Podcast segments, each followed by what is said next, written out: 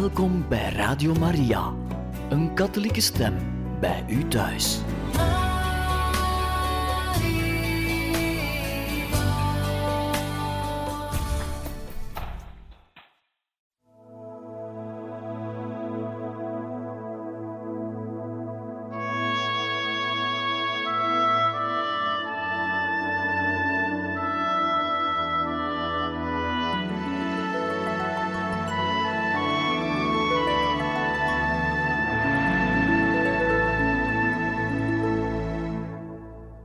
Van harte welkom, beste luisteraars van Radio Maria, bij het programma Heiligen Getuigen.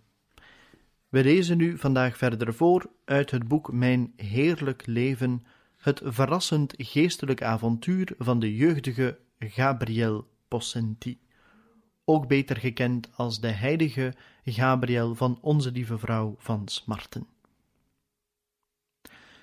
We hadden ondertussen gezien in op welke wijze dat eigenlijk het karakter van de heilige Gabriel zich ontwikkelde tijdens zijn jeugd, ook hoe hij reeds twee keer de belofte heeft gedaan om, dankzij een genezing, om het klooster binnen te gaan, maar waarbij hij steeds die belofte gemakkelijkheidshalve vergat. De gelukkige, onbezorgde dagen der jeugd gleden snel voorbij. Francesco Possenti groeide op. Van een onrijpe jongen had hij zich ontwikkeld tot een innemende, aantrekkelijke jongeling met een gerede glimlach en een opgewekte zin voor humor, de beste maatjes met zijn schoolkameraden en zeer geliefd bij zijn leraren. Een korte kanttekening natuurlijk. De heilige Gabriel, dat was zijn kloosternaam. Hij werd geboren als Francesco. Aan het driftige temperament dat kenmerkend geweest was voor zijn kinderjaren, was hij grotendeels ontgroeid, maar er waren nog wel sporen van achtergebleven. Af en toe, als hij een scherpe opmerking van een van zijn leraren te slikken kreeg, kon zijn gezicht rood aanlopen van ergernis, en de opmerkingen die hij daarna maakte waren niet weinig bitsig. Onder zijn kameraden kon Francesco zich stellig beheersen en zich rustig gedragen. Tot zijn grote ergernis zei zijn vader dat hij nu groot genoeg was om een hoge hoed te dragen voor bijzondere gelegenheden. Natuurlijk, het was toen de tijd van de hoge hoeden en het was veel eer een teken van gelijkheid dan van maatschappelijke onderscheiding. In Engeland bijvoorbeeld droeg iedereen een hoge hoed, postbodes en politieagenten, huurkoetsiers en ministers. Toen Francesco er voor het eerst mee verscheen, wekte dat hilariteit. Zijn vrienden maakten grapjes en hielden hem voor de mal. Ze sloegen hem de hoed van het hoofd en beukten met de palm van hun hand op de bovenkant ervan. Francesco verdroeg dit een poosje geduldig en waarschuwde toen: Ga nu niet te ver met die grapjes. Maar natuurlijk deed dit de geestdrift nog verdubbelen, en dus overlegde hij een plannetje om er een eind aan te maken. Hij stak een paar spelden met de punt naar boven binnen in de hoed. De eerste, de beste rampzalige, die een fikse klap op de hoed gaf, trok met een kreet van pijn zijn hand snel terug. Daarna kon Francesco zijn hoed in alle vreedzaamheid dragen. Meer dan ooit zag Francesco op tegen zijn oudere broer Michael, van wie hij bijna onafscheidelijk was. Zelfs toen ze allebei nog heel klein waren, draafde hij trots naast de grote Michael op, onderweg naar het college. Op alle manieren volgde hij Michael na, soms met onvoorziene gevolgen. De vader had de oudste jongen verlof gegeven om te roken, en natuurlijk moest Francesco dat nadoen. Hij schafte zich een paar goedkope sigaren aan en pafte er in het geheim op los, bang dat hij ontdekt zou worden. Op zekere dag werd hij verrast door Michael, die onverwacht de kamer binnenkwam en zag dat ze vol rook stond. Francesco, je zit te roken, zei hij beschuldigend en ontsteld. Nou, Wat zou dat? Jij rookt zelf toch ook? antwoordde Francesco brutaal. Dat is inderdaad zo, antwoordde Michael rustig. Maar kijk, ik ben ook ouder dan jij. Daar viel niets tegen in te brengen, en daarna verdween zijn plotselinge passie bijna ook weer even snel als ze was opgekomen. Maar dat gebeurde toch niet ineens. Hoewel hij thuis nooit meer rookte, had Francesco er toch plezier aan af en toe in het geheim te roken, als hij veilig ver van huis was. Op een avond liep hij genoeglijk paffend aan de buitenkant van de stad, toen hij opeens Michael in het oog kreeg die zijn richting uitkwam. De nog brandende sigaar werd gauw in de goot geworpen, maar niet voordat Michael ze gezien had. Wat gooide je daar weg, Francesco? vroeg Michael met een schelmse blik in zijn ogen. Oh, niets, helemaal niets, antwoordde Francesco onrustig, maar hij bloosde omdat hij onwaarheid sprak en dat verried zijn verlegenheid. Dit was dan ook de laatste maal dat hij rookte. Zoals iedere andere jongen was Francesco blij als hij zijn boeken eens in de steek kon laten en naar buiten kon trekken om van de vrijheid te genieten. Misschien omdat hij zich de legenden van zijn patroonheilige, de heilige Franciscus, herinnerde, hield hij ervan naar de vogels te staan kijken, als hij zo snel door de lucht schoten. Met eindeloos geduld probeerde hij hen naar zich toe te lokken. En eindelijk slaagde hij erin. Toen hoefde hij zijn hand maar uit te steken en zachtjes naar zijn vriendjes te fluiten. Vol vertrouwen streken ze dan op zijn uitgestrekte hand neer. Hij kon ze zelfs zachtjes aaien met één vinger, voordat hij ze weer in de lucht wierp en met een glimlach bleef kijken, hoe ze omhoog vlogen, de blauwe, o zo blauwe hemel in. Toen hij ouder was geworden, kon hij samen met Michael op jacht gaan en naast elkaar zochten de broers dan de heuvels rond Spoleto af op zoek naar wild. In zijn eenzame cel herinnerde hij zich later die onbezorgde, gelukkige dagen en schreef een brief om er zijn vader aan te doen denken eens een geschenkje te sturen aan die vrouw bij wie we altijd onze spullen achterlieten als we op jacht gingen. Op een van die tochten sneed Michael zich nogal ernstig in de hand. Toen het bloed uit de wond spoot, geraakte Francesco in een paniekstemming. Hij besloot naar de stad te rennen voor verbandmateriaal en beloofde alles te zullen meebrengen: zalf, hechtpleister en verband. In een ongelooflijk korte tijd was hij weer terug, hijgend en buiten adem en met lege handen. Waar is de hechtpleister? vroeg Michael nijdig. O, antwoordde Francesco, de apotheker wilde mij niets geven zonder recept. En hij lachte hartelijk mee toen zijn broer in een schaterlach losbarstte. Korte kanttekening: in Italië mag bij geen enkele apotheek om geneeskundige behandeling gevraagd worden, welke dan ook, een doktersrecept is vereist. Gedurende de lange zomervakantie raakte Francesco, zoals hij later zelf erkende, hartstochtelijk verslaafd aan allerlei soorten jacht, vooral aan het schieten op duiven, waar hij werkelijk in uitblonk. In de opwinding daarvan leed hij dikwijls de hele dag honger en kreeg meer dan eens een ongelukje. Eens, toen hij haastig over een oneffen terrein liep, deed hij een misstap en viel met een smak op zijn gezicht. Bij die val werd zijn neus gekwetst en voor de rest van zijn leven bleef het puntje van zijn neus inderdaad een heel klein beetje naar één kant gebogen.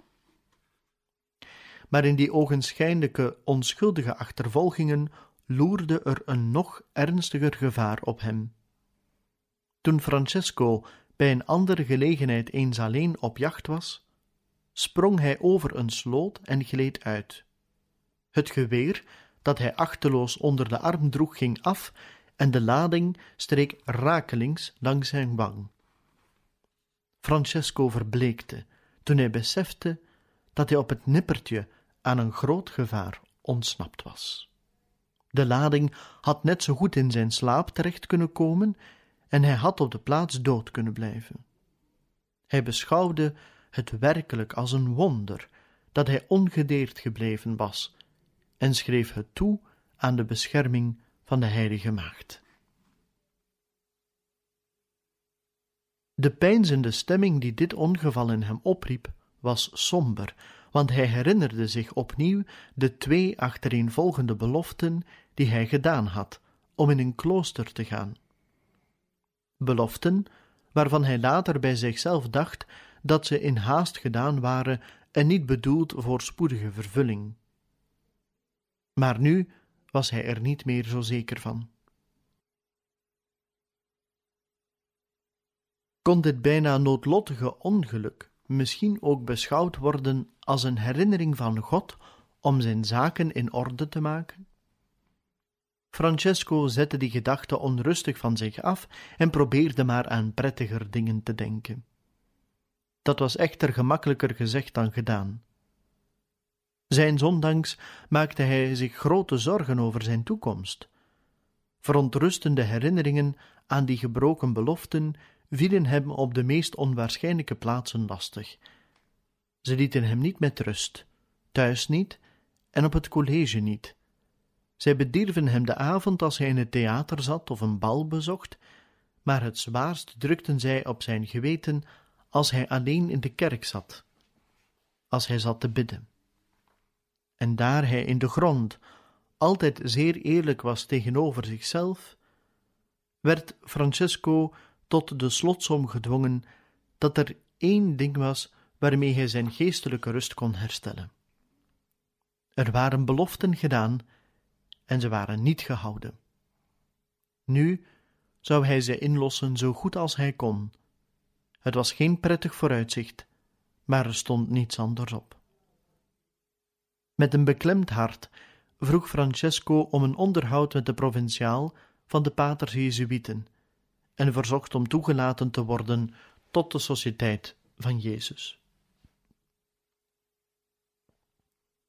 De ervaren priester, die reeds heel veel omtrent Francesco Possenti wist, had niet veel tijd nodig om zich een oordeel te vormen.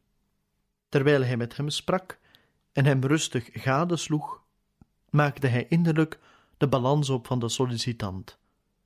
De jongen was van een goede familie.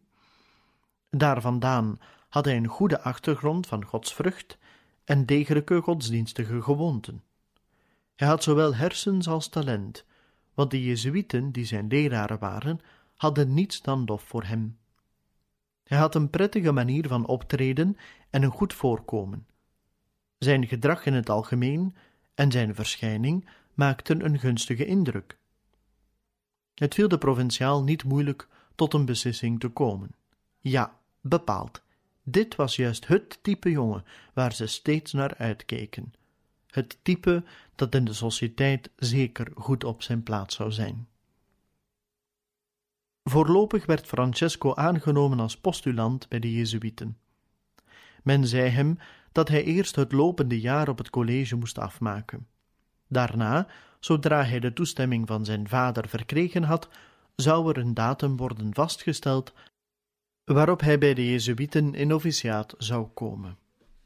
Dit leek wel duidelijk genoeg, en toen hij de kamer verliet, moet Francesco ongetwijfeld een gevoel van opluchting hebben bespeurd. Dat nu eindelijk alles in orde was. Hij zou Jezuïet worden. Hoe zou dat klinken? Francesco Possenti, S.J. Met de neiging der jeugd om zichzelf te dramatiseren zag hij zichzelf al in de toekomst. Hij kon zichzelf al in een wel een half dozijn functies tegelijk zien: lesgevend aan schooljongens in een klaslokaal, werkend in een verre missie over zee, colleges gevend aan een universiteit, vasten meditatie sprekend voor een waarderend gehoor. Eindeloze mogelijkheden gingen er voor hem open.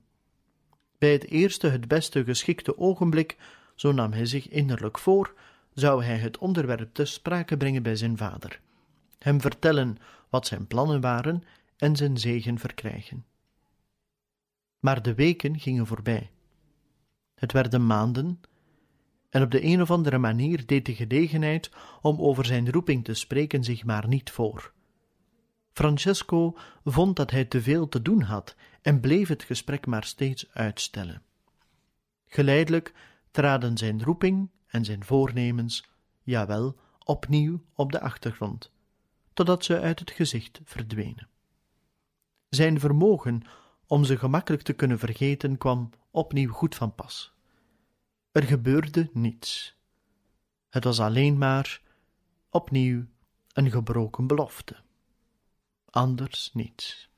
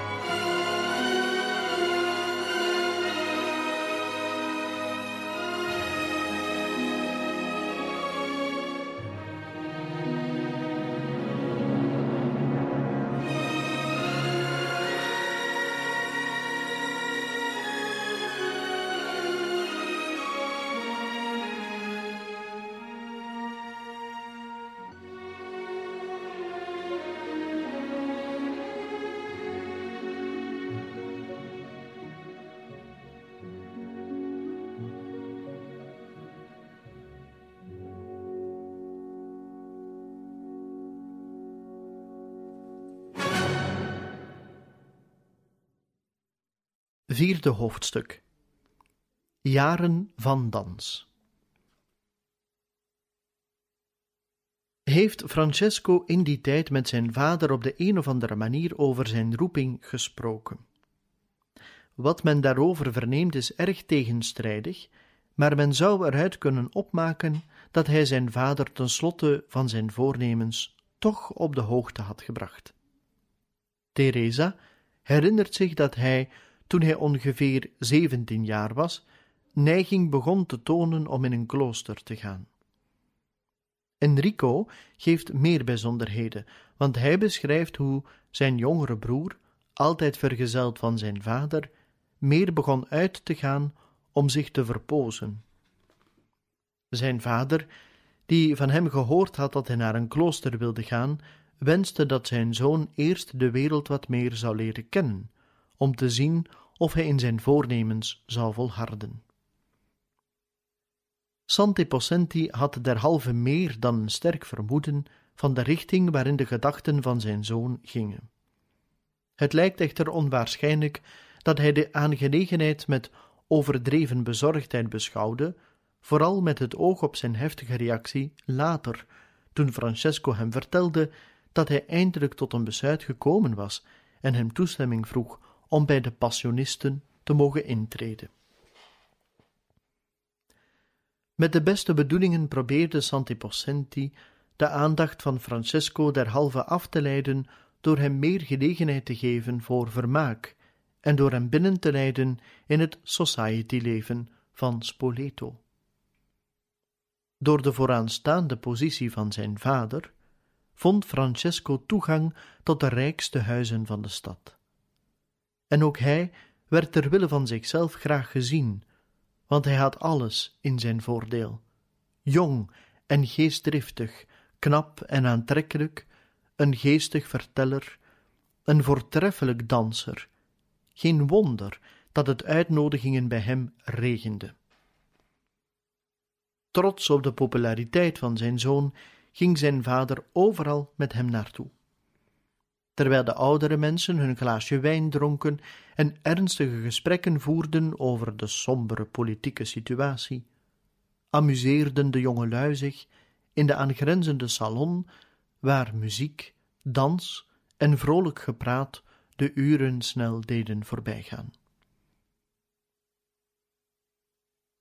Zijn boezemvriend en eerste biograaf, Paul Bonaccia, geeft een levendig geschreven portret van zijn verschijning. Zijn kledij was onberispelijk en moesten steeds van de laatste mode zijn, zo mogelijk ingevoerd uit het buitenland. Zijn haren waren zwaar geparfumeerd, goed geborsteld en glanzend. Het minste of geringste vlekje op zijn kleren vervulde hem met schrik. Partijtjes en genoegens, prettig gezelschap en plezier, dat waren de dingen waar hij al zijn aandacht aan schonk. Zijn leven in die periode kon niet in enigerlei zin verdorven of losbandig genoemd worden. Het was op zijn hoogst leeg en oppervlakkig. Later, toen hij besefte hoe hij zijn tijd en talenten verspild had, ging hij daar zeer onder gebukt. Het verschil stond hem het levendigst voor de geest gedurende de eerste paar dagen in het klooster, toen hij uitriep: Och, hoe heb ik toch zo blind kunnen zijn? Hoe heb ik mijn tijd verknoeid? Mijn hele leven was bijna in rook opgegaan. Het tafereel laat zich wellicht het best opbouwen uit de brieven waarin hij later voorvallen uit zijn onrustige tijd opriep. En ook dient men in aanmerking te nemen dat zijn geestelijke gewaarwordingen in die tussentijd intenser geworden waren, zijn geweten verfijnd en verhelderd, en zijn spijt daarom des te dieper. Misschien was het tafereel niet zo somber als het achteraf beschouwd wel leek. Aan zijn boezemvriend Filippo Giovannetti, die toen rechten studeerde aan de Universiteit van Camerino, schreef hij later een aardige, verhelderende brief, waarin hij openhartig over de tijd van vroeger spreekt. Hij waarschuwt zijn vriend op te passen voor slechte boeken, onvoorzichtige praat, theaterbezoek en slechte kameraden. En daarmee, zo voegt hij eraan toe, bedoel ik geen boeven en schurken of schooiers van een dergelijk soort, want in een zodanig gezelschap zul je je natuurlijk nooit bevinden. Ik bedoel diegenen die met mooie woorden en valse vriendschap je hart zouden kunnen veroveren. Je weet wel wie ik bedoel. En hij vervolgt letterlijk: Beste Phil, toe, geloof me, want ik spreek tot je vanuit de grond van mijn hart. Ik weet werkelijk niet of een heel leven, doorgebracht in mijn klooster, genoeg zal kunnen zijn om God voldoening te geven voor al mijn fouten, vooral die welke ik begaan heb onder deze vier titels. Je bent mijn beste en meest vertrouwde vriend geweest, zoveel jaren lang, dus je zult wel weten of ik de waarheid spreek. Beste Filip, ik kan je de stellige verzekering geven dat, wanneer ik in de wereld gebleven was, ik niet geloof zou hebben zalig te kunnen worden. Hoe zou iemand zijn verlossing kunnen bewerkstelligen te midden van zoveel vrienden, zoveel ijdele praat, zoveel gevaren van allerlei aard? Zeg het eerlijk, is er iemand die meer pret en genoegens gehad kan hebben dan ik in de wereld? Wel, en wat is nu het resultaat? Ik wil het je eerlijk zeggen: niets dan droefheid en spijt.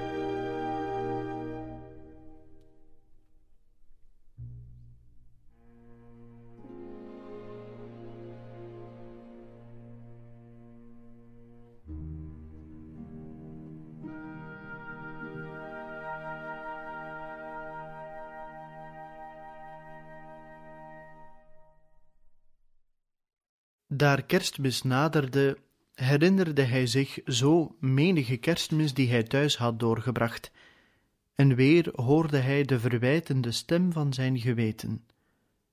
Vanuit zijn passionistencel schreef hij met kerstmis 1857 naar huis. Herinner er mijn broers aan dat ook mijn hart altijd van vreugde vervuld was als dat feest naderde. Maar het was een valse en grillige vreugde, omdat ik in die dagen alleen maar verlangend uitkeek naar beuzelarijen en spel en dergelijke dingen, en vooral naar de kerstavond, de vooravond van een dergelijk groot feest. Hoe verblind was ik toch! Ik bekeek alles van de verkeerde kant. Laat dit een waarschuwing voor hen zijn. Mogen Jezus en Maria mijn gebed verhoren. Steeds weer grijpt hij terug naar dezelfde twee of drie dingen die hem de meeste spijt berokken schijnen te hebben: romans, theaters en vrolijke gezelschapsavonden. Af en toe komt er een variatie voor, zoals wanneer hij zijn vader verzoekt de jongens niet toe te staan kaart te spelen. Zo schreef hij: Vaderlief, u hebt nu nog twee zoons thuis. Zorg voor hun zielenheil en sta hen vooral niet steeds toe kaart te spelen.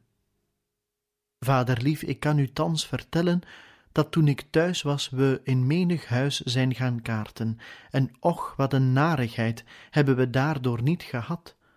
Als u dat toen ter tijd geweten had, u zou er tranen om geschreid hebben. Pas er ook goed op dat ze al die liefdesromans niet lezen, en zeg niet dat ze onschuldig zijn. Ik weet hoe onschuldig ze zijn, o hoezeer hebben ze mijn hart bedorven. Zo zag hij zelf zijn gedrag. Hoe zagen anderen het? Er is slechts weinig twijfel aan of hij overdreef zijn tekortkomingen, want diegenen die toch wel tot oordelen bevoegd zijn, zagen die dingen anders. Ondanks de ijdelheid in zijn kleding, zijn liefde voor het theater, zijn bekwaamheid als danser, was hij in de grond toch wel een ernstige en fatsoenlijke jongeman. Hoewel Francesco ervan hield uit te gaan, merkte zijn broer Enrico op, verliet hem toch nooit die terughoudendheid en matiging die hij van onze ouders geleerd had.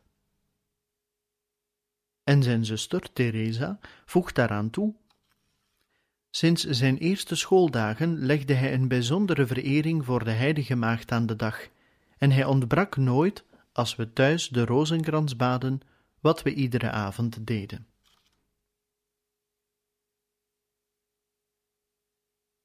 In de schitterende salons van Spoleto waren alle ogen op Francesco Possenti gericht, als hij vrolijk met zijn partner naar voren trad om de paren in te leiden in de ingewikkelde stappen van de gavotte of de pas ingevoerde populaire wals. Slank en goed gekleed, lichtvoetig en met bijzondere ongewone charmes begiftigd, was Francesco als partner zeer gezocht maar veel gelegenheid om aan zijn geliefkoosd vermaak te voldoen had hij niet. En zeker had hij nooit die dansmanie hem toegedicht door een van zijn eerste biografen, iets wat daarna ijverig is nageschreven en zelfs aangedikt door volgende schrijvers.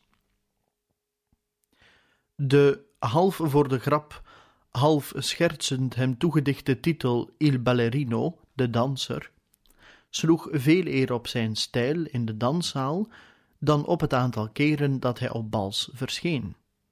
Zelfs zijn manier van lopen verried zijn gemakkelijk ritme en de natuurlijke bevalligheid van de geboren atleet en danser. In zijn brieven betreurt hij vele van zijn jeugdige handelingen, doch ook niet één keer zinspeelt hij ook maar even op zijn vroegere bekwaamheid als danser. Ook woonde hij trouwens nimmer een openbaar bal bij, want dergelijke gelegenheden, stonden in het strenge Spoleto niet in hoog aanzien. Zijn dansen was beperkt tot particuliere familieavondjes die onder toezicht van de ouders stonden in de daartoe in aanmerking komende huizen van de stad. En ook dient men eraan te denken dat, vergeleken bij de moderne stijl, de dansen van vroeger van een sober en rustig karakter waren.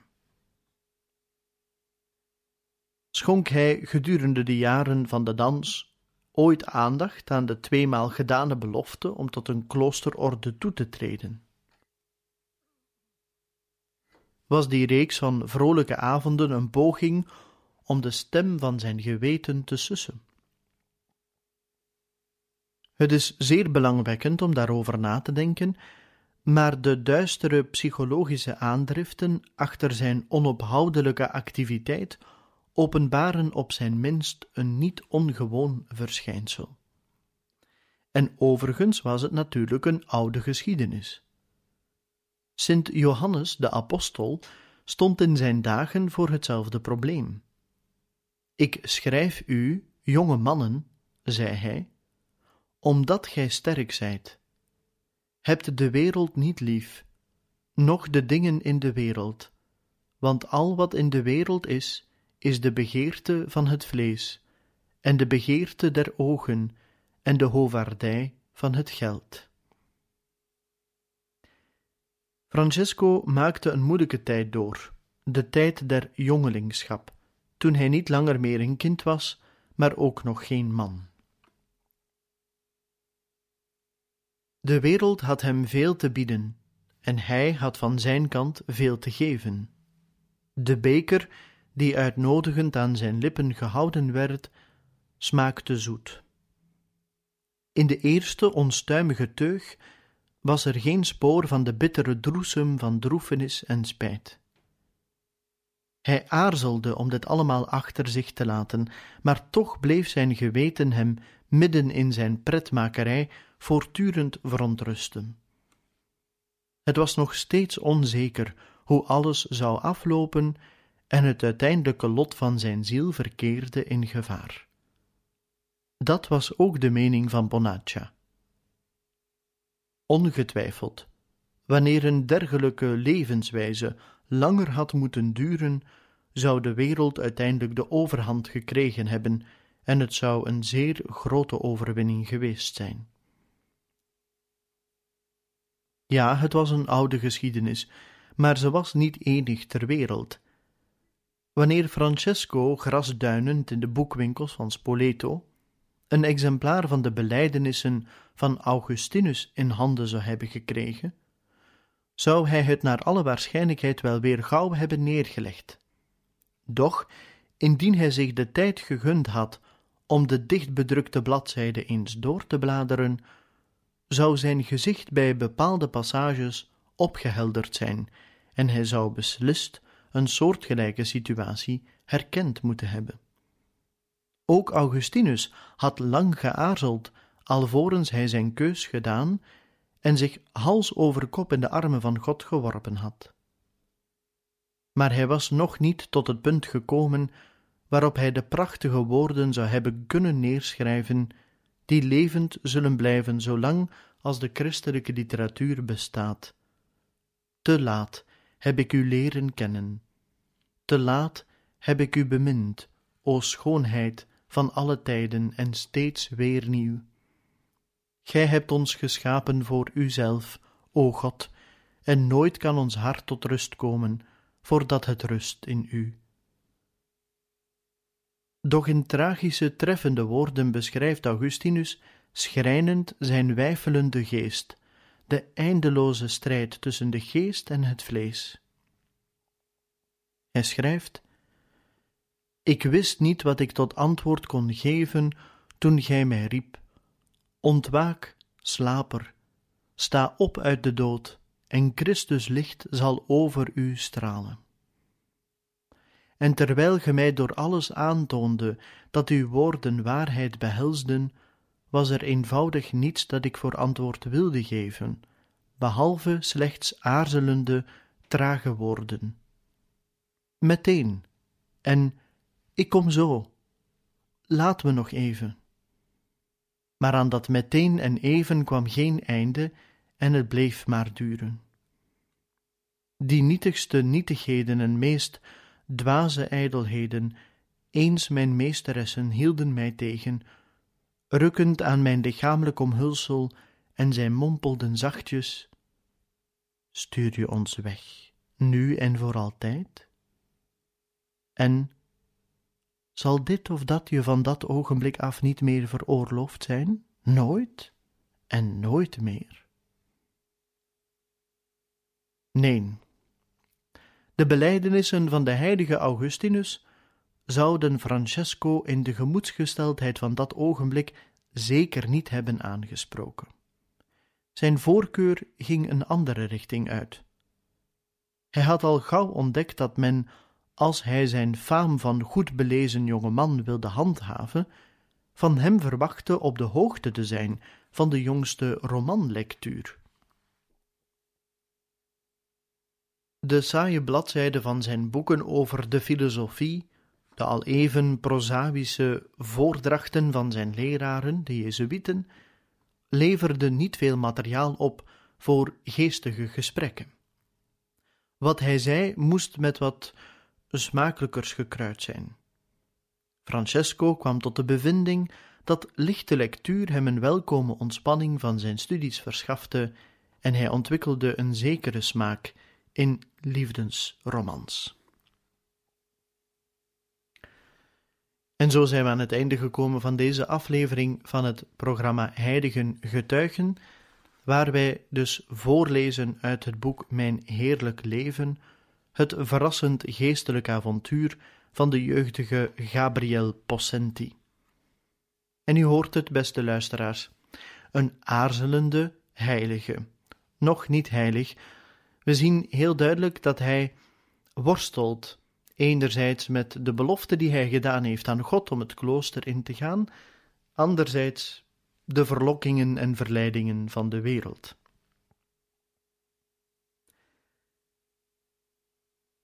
Het is heel duidelijk dat hij hier een bepaalde strijd zal moeten doormaken alvorens hij tot een beslissing kan komen.